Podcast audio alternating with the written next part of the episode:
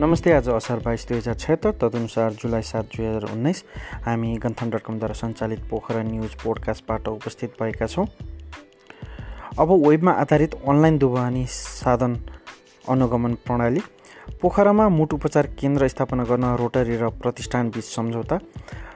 र तारादेवी र अरुणा लामाका गीतहरू पोखरामा गुन्जे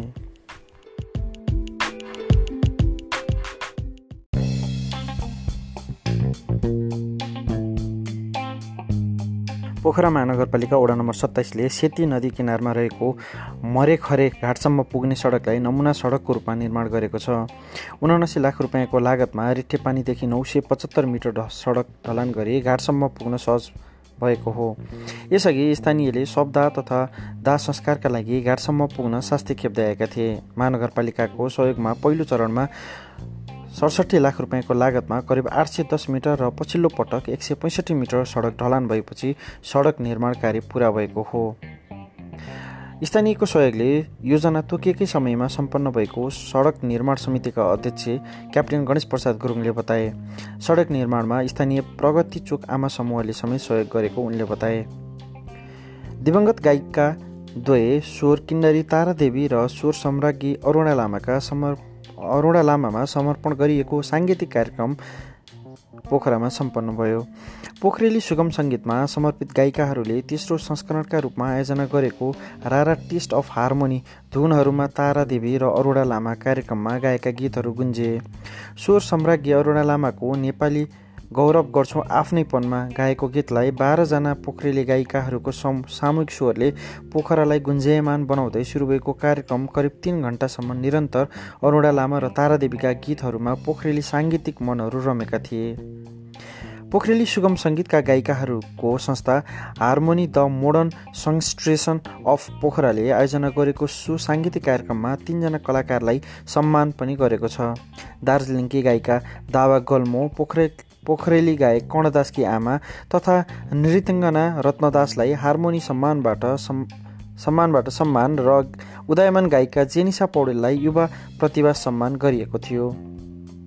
यता रोटरी क्लबले पोखरा स्वास्थ्य विज्ञान प्रतिष्ठानमा मुटु उपचार केन्द्र स्थापना गर्न सम्झौता गरेको छ। गण्डकी अस्पतालमा स्थापना गर्न केन्द्रका लागि एक वर्षभित्र आवश्यक उपकरण उपलब्ध गराउन आवश्यक सम्झौता गरिएको हो। सम्झौता अघि आवश्यक पूर्वाधार पनि पोखरा स्वास्थ्य विज्ञान प्रतिष्ठानले बढाइसक्नेछ मुटु उपचार केन्द्र छिटोमा यही सेप्टेम्बर ढिलोमा जुनसम्ममा उपकरण झिकाइ सेवा सुरु गरिनेछ। रोटेरी क्लब मुटु उपचार केन्द्रका संयोजक बाबुराम बराल र पोखरा स्वास्थ्य विज्ञान प्रतिष्ठानका उपकुलपति प्राध्यापक डाक्टर बुद्धिबहादुर थापाबीच सम्झौता पत्रमा हस्ताक्षर गरेका हुन्। सम्झौता गरिएको जेठ महिनामा सम्झौता जेठ महिनामा गएको जेठ महिनामा गरिएको थियो। यता राजस्व अनुसन्धान विभागले सामान दुबानीलाई व्यवस्थित गर्न वेबमा आधारित अनलाइन दुबानी साधन अनुगमन प्रणाली ल्याउने भएको छ। यो प्रणाली आउँदो साउनबाट सुरु हुने राजस्व अनुसन्धान विभागले जनाएको छ।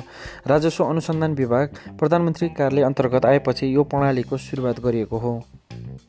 इन्टरनेटको प्रयोग हुने यो प्रणाली सजिलो मात्र नभएर कम झन्झटिलो भएको पनि राजस्व अनुसन्धान विभागको दावी छ। यो प्रणालीले नेपालभित्र एक ठाउँबाट अर्को ठाउँमा सामान दुबानी गर्दा गैर करका अवरोधहरू हट्ने राजस्व अनुसन्धान विभागका चेकपोस्टहरूमा जाँच गराउन नपर्ने तथा आन्तरिक राजस्व कार्यालयबाट चलानी लिन नपर्ने जस्ता सुविधा भएको राजस्व अनुसन्धान विभागका उपमहानिर्देशक टङ्कप्रसाद पाण्डेले जानकारी दिए।